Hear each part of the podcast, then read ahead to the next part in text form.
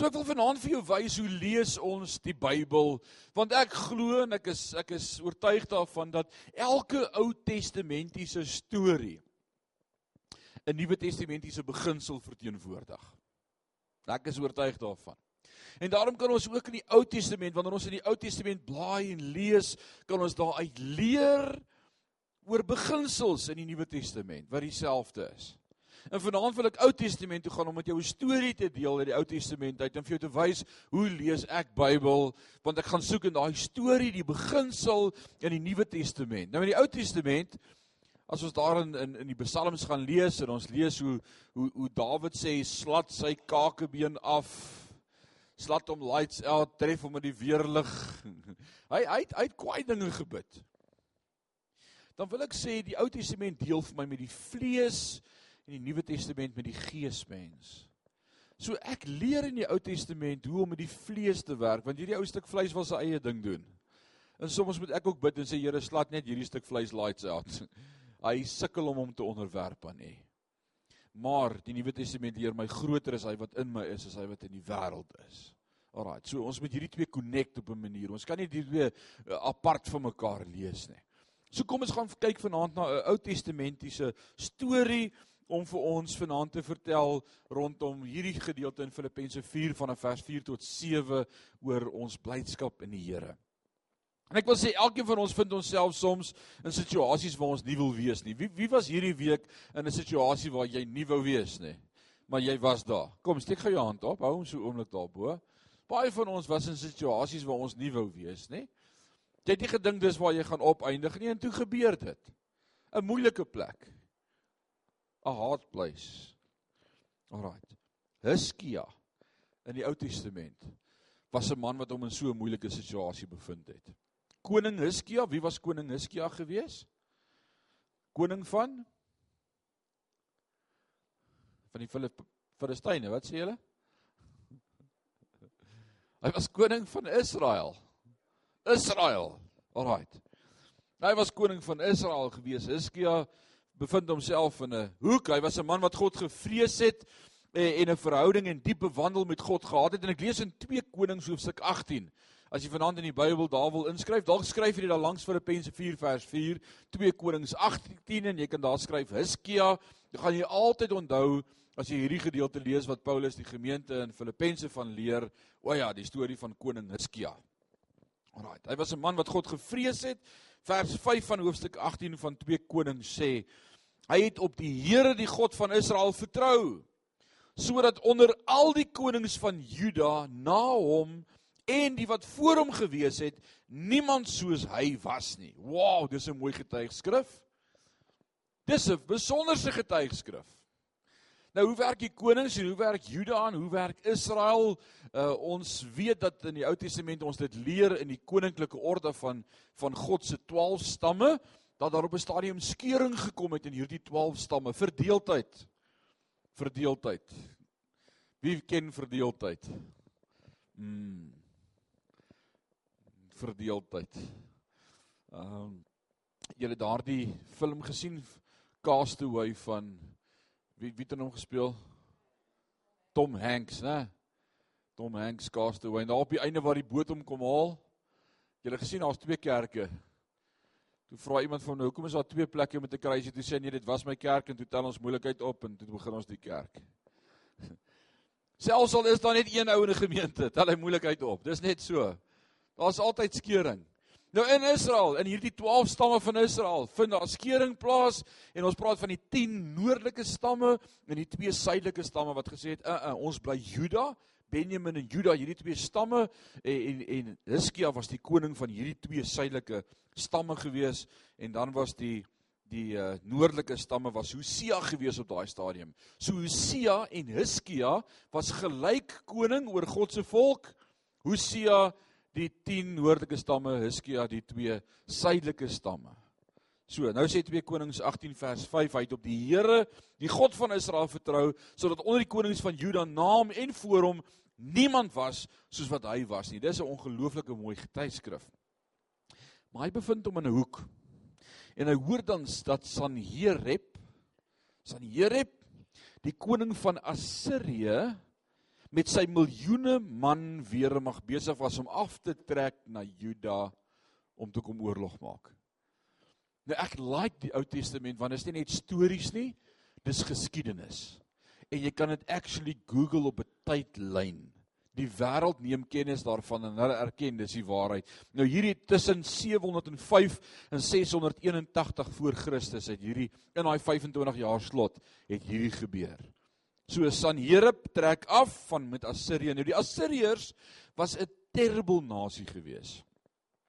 Die Assiriërs was die uitvinders gewees van oorlogstrategieë en planne en en hulle het onder andere die ram, die ram. Ek weet nie wat is dit in Afrikaans die regte woord nie, maar dis daai lang uh boom stomp met klomp afskorte waar daar 2 4 6 18 20 manne so weerskante van die boom hardloop en dan storm hulle die stadsmure en dan stamp hulle daai stadsmure oop. Jy het al Ben Hur gekyk en en daai tipe stories, né? Jy weet wat is 'n ram? Hulle ram they ram the door open. So hulle het dit gedoen. Hulle het allerlei tegnieke gehad en maniere, brutale maniere wat hulle afgereken het met hulle vyande. Alraight. Hulle hulle het as hulle die poorte ingeval het en die stad binne geval het, het hulle die hoofde van die ouens wat hulle onthoof het, van die nasie wat hulle inval, het hulle op spiese een vir een so deurgedruk so sosati stokkies. Dit was die eerste sosaties in die Bybel. Dit was hulle. Martin? Alraai. Dit was koppe. En dan hulle daai twee spiese met al die koppe het hulle so weerskante van die stadspoort ingedruk om 'n statement te maak hier regeer ons. Daar was vrees en bewing gewees. So as jy gehoor het dat die uh, Assiriërs op pad is na jou valley toe, dan dan het jou broek van self begin bewe. Dit was soos dis terrible. Alraai. Nou wat gebeur? Israel of Samaria met met koning Hosea, die noordelike 10 stamme is reeds verslaan. Die Assiriërs het by hulle begin in die noorde. En hulle is reeds verslaan, hulle is oorwin en nou kry hy tyding hulle is op pad af hier na die suide toe na ons toe, na Jerusalem toe. So wat doen Hizkia? Wat sou jy doen as jy die koning is van 'n volk? Van twee stamme, die ander 10 stamme is reeds oorwin. Hierdie miljoen man weermag van die Assiriërs vir wie almal so bang is is op pad na jou valley toe. Wat doen jy? Daar was nie 'n 911 om te bel nie. Wat doen jy? Hy wat wag op die Ah, op die Here, né? Dis wat ons moet doen. Dis mos wat ons geleer het. Wat sê Filippense 4 moet ons doen? Verbly jou in die Here, ek herhaal. Hoe dit is moeilik as 'n miljoen man weer mag op pad is na jou toe om jou te kom verslaan, om jou te verbly in die Here. Wel, Eerstens probeer hy om Sanherib om te koop. Dis 'n vleeslike optrede, vreeslik vleeslik.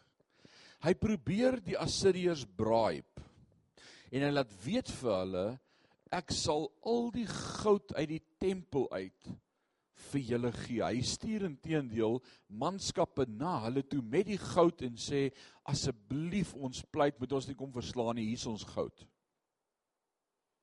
Wat sê die koning van die Assiriërs? Net wat ek wou sien. Ons is op pad. Ons kom die res ook somhaal. O, oh, dit backfire. Dis nie die idee wat hy gehad het nie. Hy het gedink hy gaan hom kan bribe en hy sal homself hier uit kan manoeuvreer. Hy het op sy eie vlees vertrou. Hy maak sy eie plan en hy maak 'n fout. So nou moet hy 'n tweede plan maak. Wat maak hy nou? Hmm. Hy onthou die Egiptenare is daarom nie te ver van Israel af nie as hy nou te perd die Egiptenare vra om hom te kom help. Dalk sal Farao instem om hulle te kom help. Dieselfde Farao van wie hulle weggevlug het deur die woestyn en hoeveel van Farao se manskappe omgekom het, dis nou die een by wie hy wil gaan hulp soek. Hy stuur 'n paar perde al die pad daar na Egipte toe en gevra gaan vra asseblief vir Farao, jy moet kom help. Hier's groot moeilikheid. Wat doen Farao? Hy lag vir hom diep uit sy maag uit en sê daar's nie 'n manier nie. Inteendeel dalk moet ek ook sommer teen jou kom oorlog hou. Né? So hy's in 'n moeilike posisie. Jy kan dit alles gaan lees daar in in uh 2 Konings. Nou kyk wat sê Jesaja. Die profeet Jesaja is in daardie selfde tydperk was hy die profeet van die dag gewees. Uh Hosea en Hosea en Jesaja kry 'n woord by die Here en hoor wat sê die Here vir hierdie koning. So, nou begin hy profeteer. Jesaja kom na vore in Jesaja 30 en ons sien in hoofstuk 30 vers 1 die volgende staan. Wee die opstandige kinders spreek die Here wat 'n plan uitvoer maar dit is nie uit my nie. Wow. Hoor jy wat sê die profeet? Hy sê wee julle opstandige kinders wat 'n plan uitvoer maar dit is nie uit my nie wat 'n verbond sluit. En dit is nie uit my gees nie om sonde op sonde te stapel. So wat is die sonde op sonde wat hulle opstapel? Wat sê God? Wat is hierdie wat is die sonde op sonde? Julle maak julle eie planne. Die woord sê ken hom in al jou weë en hy sal jou baie gelyk maak. Ek sien hier as die profeet Jesaja sy mond oopmaak en profeteer dat daar iets is van die hart van God wat sê, "Het jy maar met my kom praat, maar nou maak jy jou eie planne." Ek het hierdie week met 'n jong man gepraat oor sy besigheid. Ek het dit vanmôre genoem by die nagmaal. Hy sê vir my sy besigheid is onderdeur en ek begin met hom praat en ek sê maar maar sê net vir my as jy besluite maak, praat jy met die Here daaroor? En hy sê met die Here praat. Oor besluite. Nee. Ek sê maar hoe anders kan jy besigheid bestuur behalwe om met die Here te praat? Want hy weet alles. Hy ken die toekoms, hy hou die toekoms in sy hand. Hy hy ken die ekonomie, hy ken die politiek, hy ken die effekte trust, hy ken alles. Hoekom praat jy nie met hom nie? En hy sê kan mens met die Here praat oor jou besigheid? Ek sê die woord sê ken hom in al jou weë en hy sal jou baie gelyk maak. Ek sê dink jy nie die Here is besig om jou aandag te probeer soek deur vir jou te sê, "Hey, praat 'n slag met my nie." Praat 'n slag met my.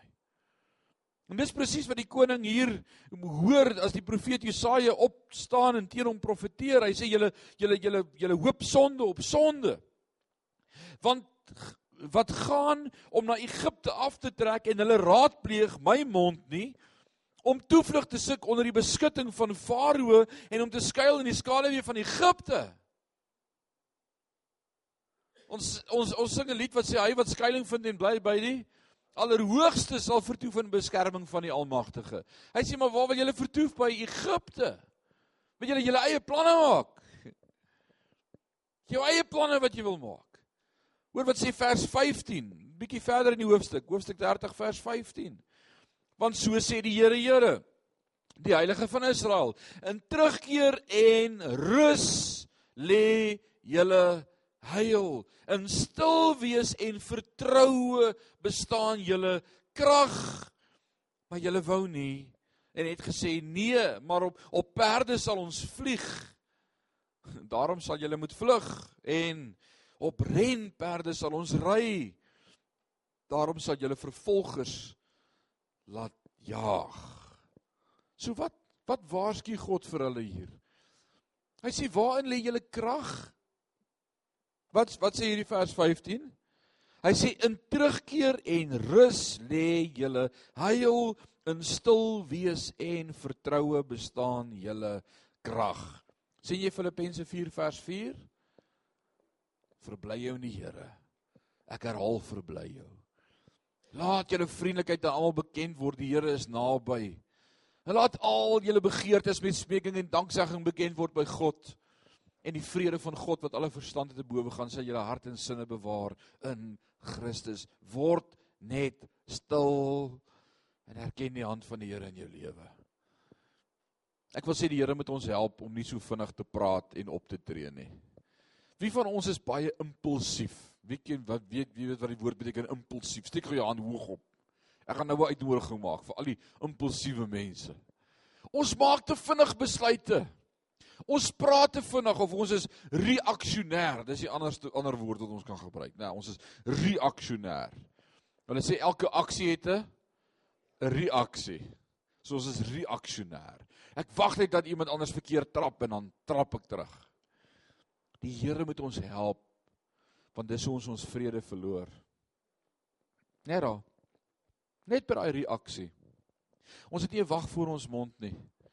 Ek sien baie keer vir my vrou my wag is heel aan die slaap. Waar was my wag nou? Ons ons praat te vinnig of ons dink nie of ons dink ons is ons het dadelike antwoord reg. Dadelike plan wat ons kan maak.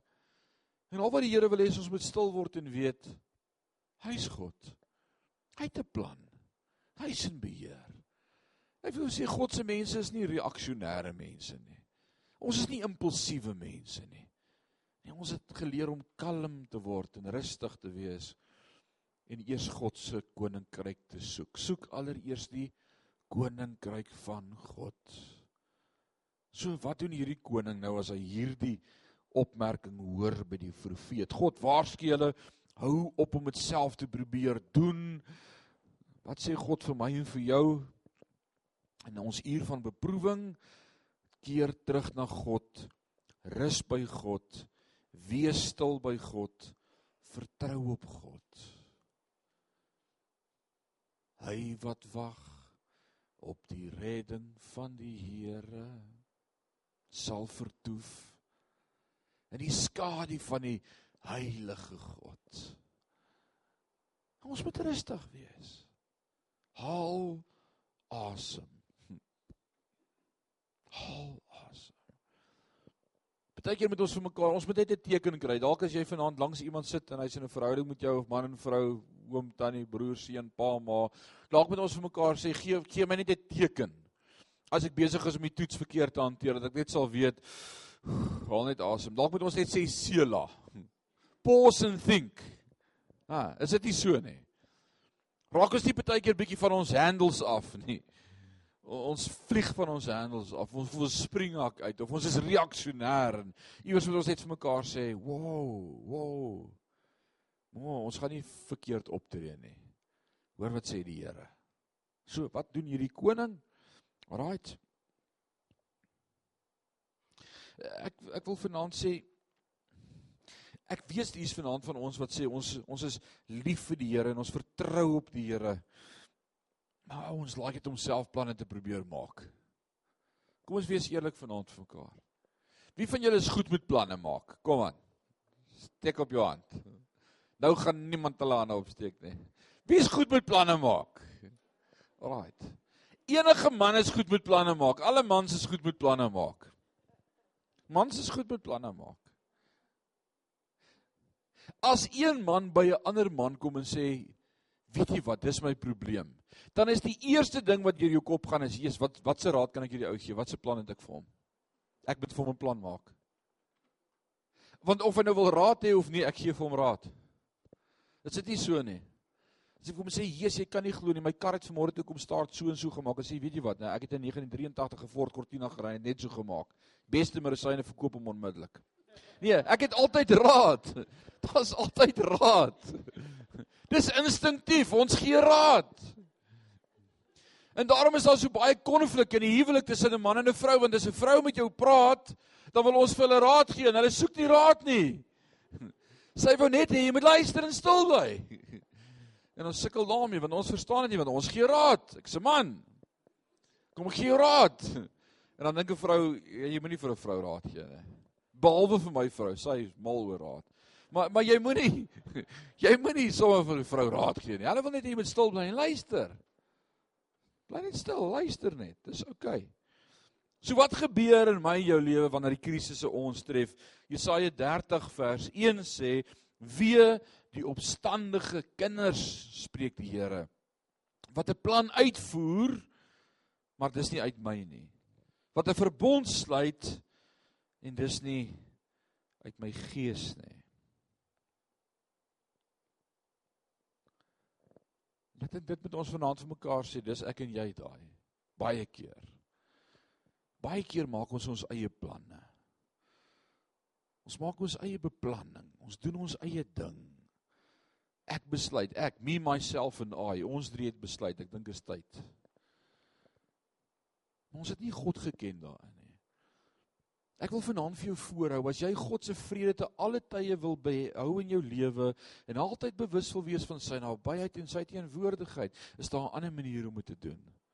Ken hom in al jou weë en hy sal jou paaie gelyk maak. Dis dis anderster.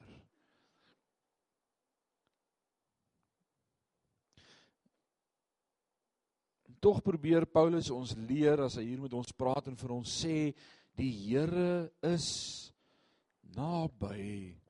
Wees oor niks besorg nie. Ons raak so maklik besorg oor die sorges van die lewe. Benoud, angs, corona. ons raak so paniekerig. As God in sy grootheid weet hoe om te sorg vir die voëls van die veld en die blomme en die gras, hoeveel te meer weet hy om te sorg vir my, sy kind. En dan wil ek vanaand weer verklaar, wat kan my skei van die liefde van Christus? Corona of niks? Niks kan my skei van die liefde van Christus nie. En as ek huis toe gaan, gaan ek huis toe. Ek het niks om te vrees nie. Ek het niks om te vrees nie. Die Here is met my. Hy's met my.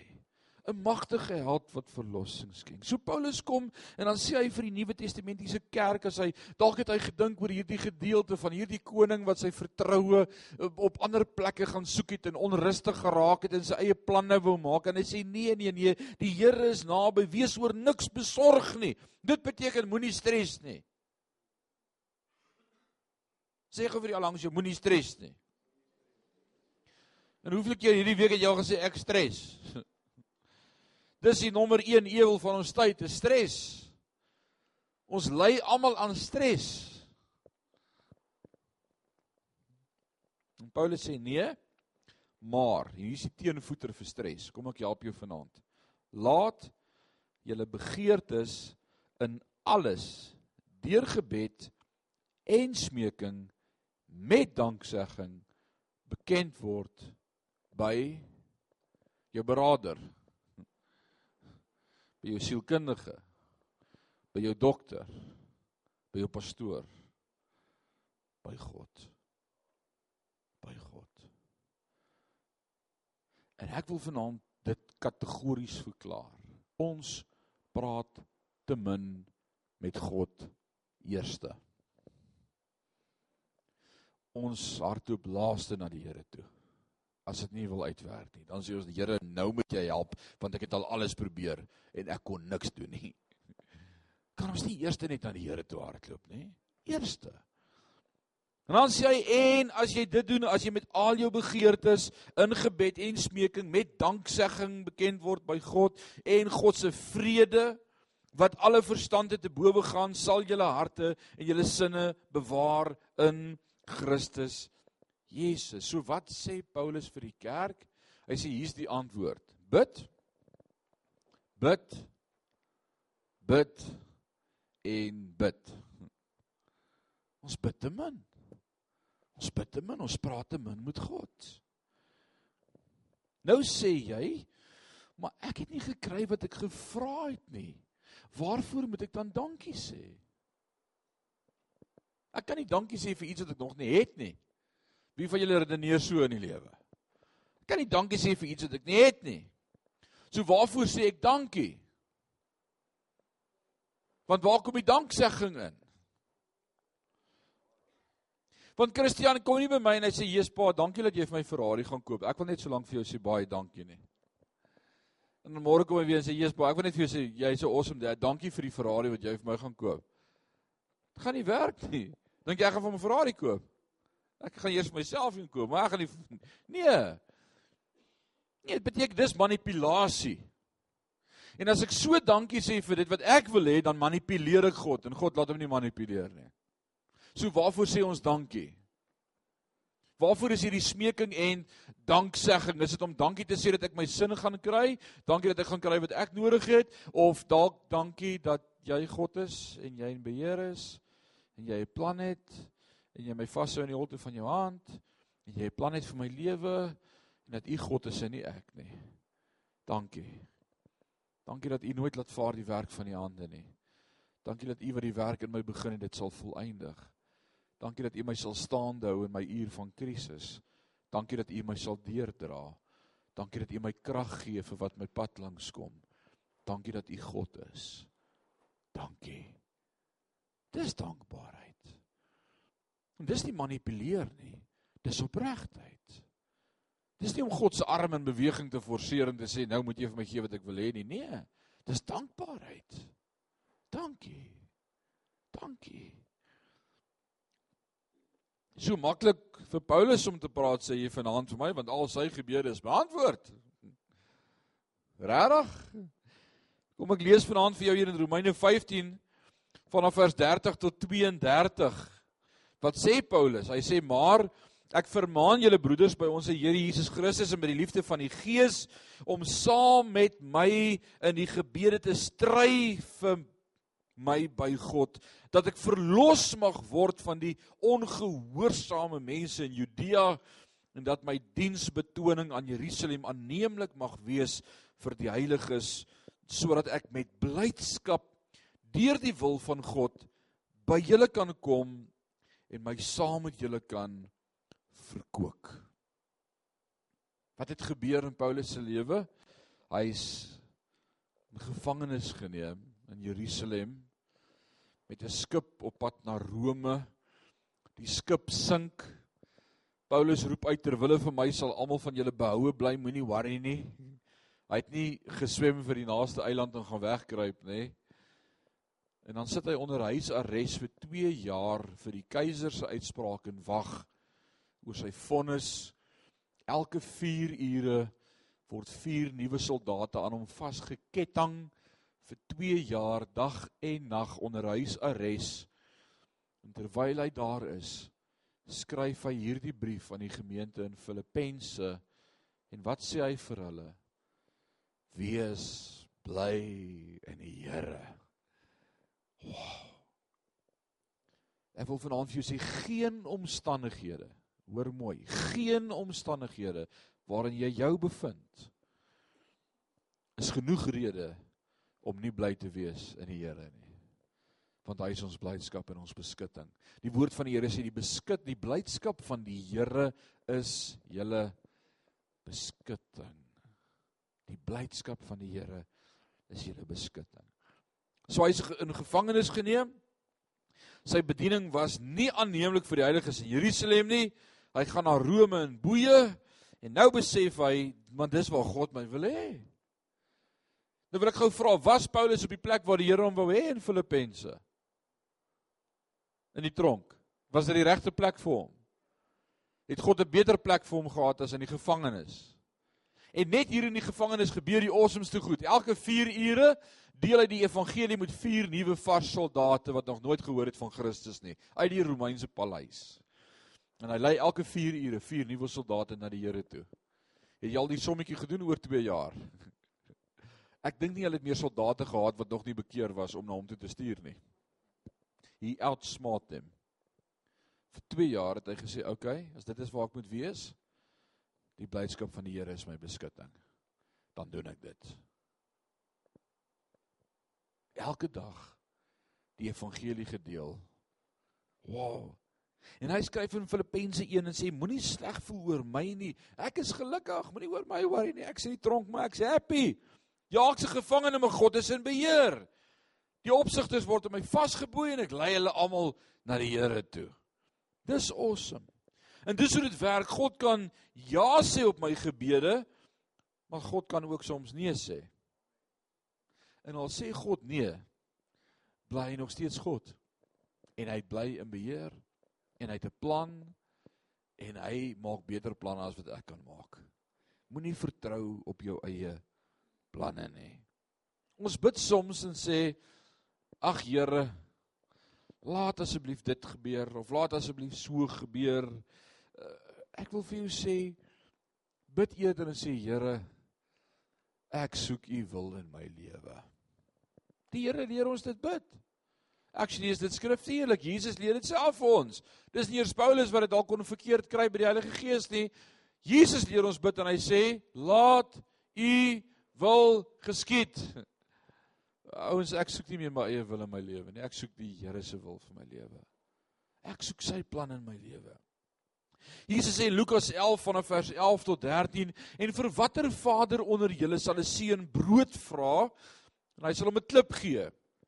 of ook 'n vis en hy sal hom in plaas van 'n vis 'n slang gee of ook as hy 'n eier vra hom 'n skerpioen gee as julle dan wat sleg is weet om goeie gawes aan julle kinders te gee hoeveel te meer sal die hemelse Vader die Heilige Gees gee aan die wat hom bid is dit nie awesome nie soms dink ons ons weet waarvoor ons vra Maar wie het al agterkom in die lewe, ons weet nie altyd waarvoor ons vra nie. Ons weet nie 'n klou nie. Ek het julle al vertel en ek moet dit weer vertel want dit pas so in by hierdie illustrasie wat ek wil maak. Van hierdie ou oom wat so 'n paar jaar terug by my kom, die sonoggend hier na kerk en hy sê vir my ek was hierdie naweek op my 50ste skoolreunie. Ek sê oom, dis wonderlik. So hy's nou so 68, né? Ek sê dis fantasties. Hy sê maar jy kan nie glo hoe fantasties was dit om daar te wees nie. Ek sê hoe so? Hy sê ek het vir Willemien weer gesien. En Willemien van Helsdingen was die girl op skool. En almal wou vir Willemien hê. Hy sê ek het so nagevry, sy wou niks weet van my nie. Ek het hoeveel keer probeer, sy was die vrou van my drome. Ek het vir haar goed gekoop, goed gestuur, briewe geskryf, sy wou niks weet nie. En my hart was stikkend oor Wille Willemien wat niks van hom wou weet nie. Ek sê oom, hoekom vertel jy dit vir my? Want hy's al jare getroud, hy het 'n vrou. Hy sê dit was so goed om haar weer te sien. Ek sê oom, is daar iets waarvan ek moet weet? Ek raak nou bekommerd. Hy sê pastoor. Toe ek haar sien, toe besef ek ek sou die fout van my lewe gemaak het om met haar te trou. Hy sê die Here het my bewaar van 'n groot groot gemors in my lewe.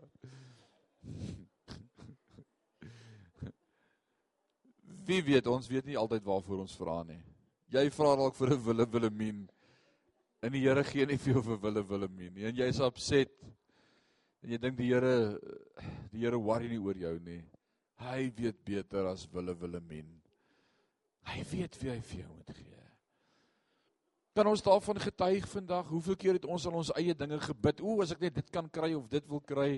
Ek praat van die paradokse van die lewe.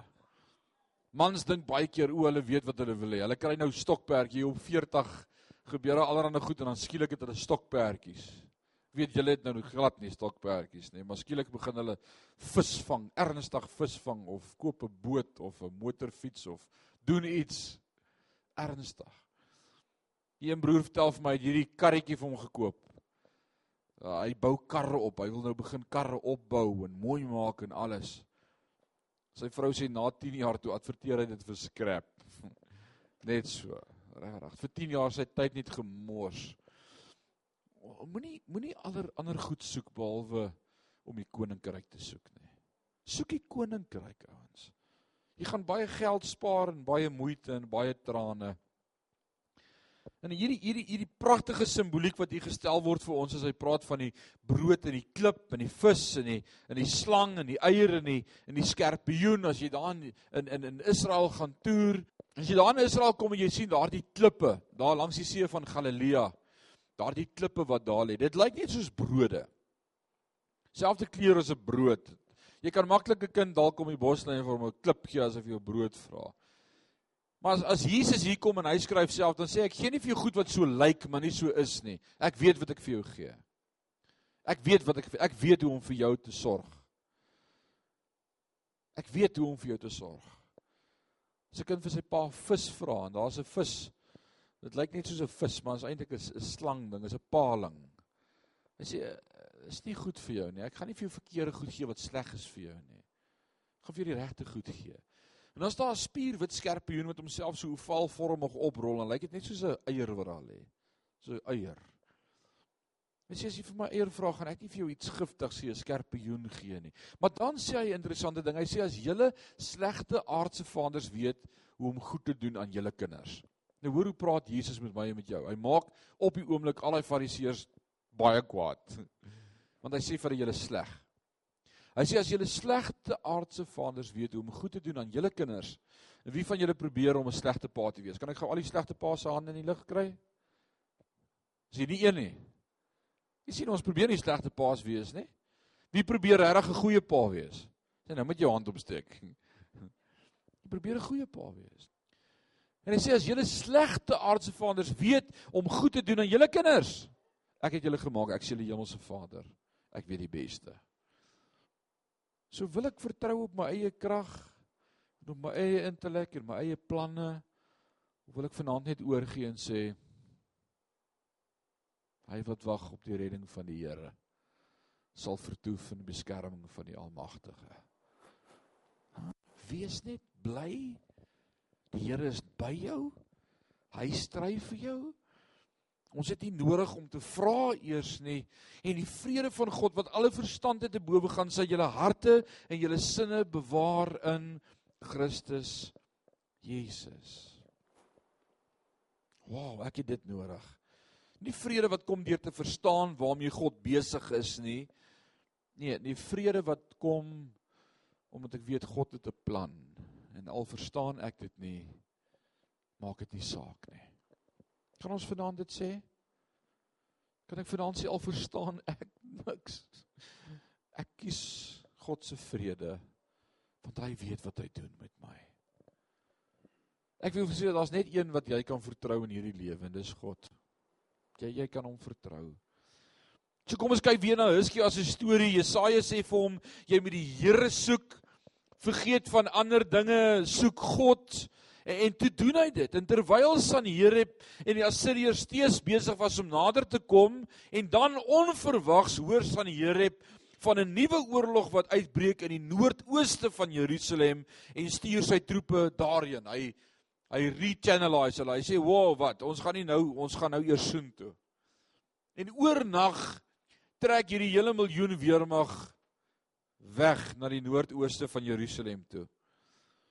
En dan Sanherib se generaal Rapsake Rapsyk skryf toe 'n brief vir Hizkia en hy sê vir Hizkia as julle dink ons is klaar met julle maak julle 'n groot fout. Ons sal nie gestop word om Jerusalem te verwoes nie. Jy kan dit gaan lees in 2 Konings 18. Salk iets wat jy vanaand kan gaan lees by die huis. En hierdie keer toe hy hierdie brief kry van die van hierdie Assiriërs af van Rapsake Wat doen Huskia toe met hierdie brief? Dink julle? Want die eerste keer het hy paniekerig geraak. Hy het gevra vir hulp, hy het goud gestuur, hy het Egipte genader. Toe praat die profeet met hom en sê soek die Here. Wat doen jy? Wat dink julle doen hy hierdie keer toe hy die brief kry?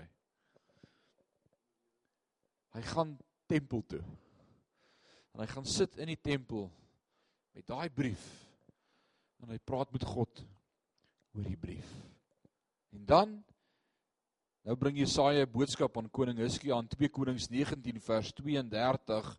Daarom so sê die Here aangaande die koning van Assirië, hy sal in hierdie stad nie inkom en daar geen pyl inskiet en dit met geen skild aanval en daar geen wal teen gegooi word nê. Hy sit in die tempel met hierdie brief en hy praat met die Here en hy sê Here, eh, ek gaan nie weer my toevlug op verkeerde plekke soek nie, maar kyk net wat het ek gekry. Hierdie dis 'n doodsvonnis. Hulle sê hulle is op pad. Wat sê u? En die profeet Jesaja profeteer vir hom. Maar hy sê as sinneers uh, nog steeds gekom het na Jerusalem en omsing hulle het 185000 soldate en ons kan dit gelees in 2 Konings 19 vers 35 en dis ook geskiedenis 185000 soldate en in dieselfde nag het 'n engel van die Here uitgetrek en in die laar van die Assiriërs 185000 Assiriërs verslaan. En toe hulle die môre vroeg klaar maak, Israel, was dit almal net dooie liggame. Sonder dat een Israeliet sy hand oplig, reken God af met 185000 Assiriërs. Hy wat wag op die redding van die Here sal vertoef in die beskerming van die heilige God. Ek wil vanaand vir jou sê moet geen vrese in jou lewe hê nie. Vrees kom nie van God af nie. Die woord van die Here verklaar dit keer op keer in die Engels sê dit so mooi sê God has not given us a spirit of fear but of love, power and a sound mind. That's beautiful, isn't it? Sound mind. Die Afrikaanse Gees, God het ons nie 'n gees van vreesagtigheid gegee nie, maar van liefde, krag en selfbeheersing. Daai selfbeheersing is die woordjie sound mind. Hier. To keep your sanity. Want wat raak gebeur wanneer jy stres? Wat gebeur wanneer jy stres? Jy voel jy gaan jou kop verloor. van jou kop af raak. Dis presies wat die duiwel wil hê. Nou wys sound mind. Sound mind. Sound mind. Die pad van die Here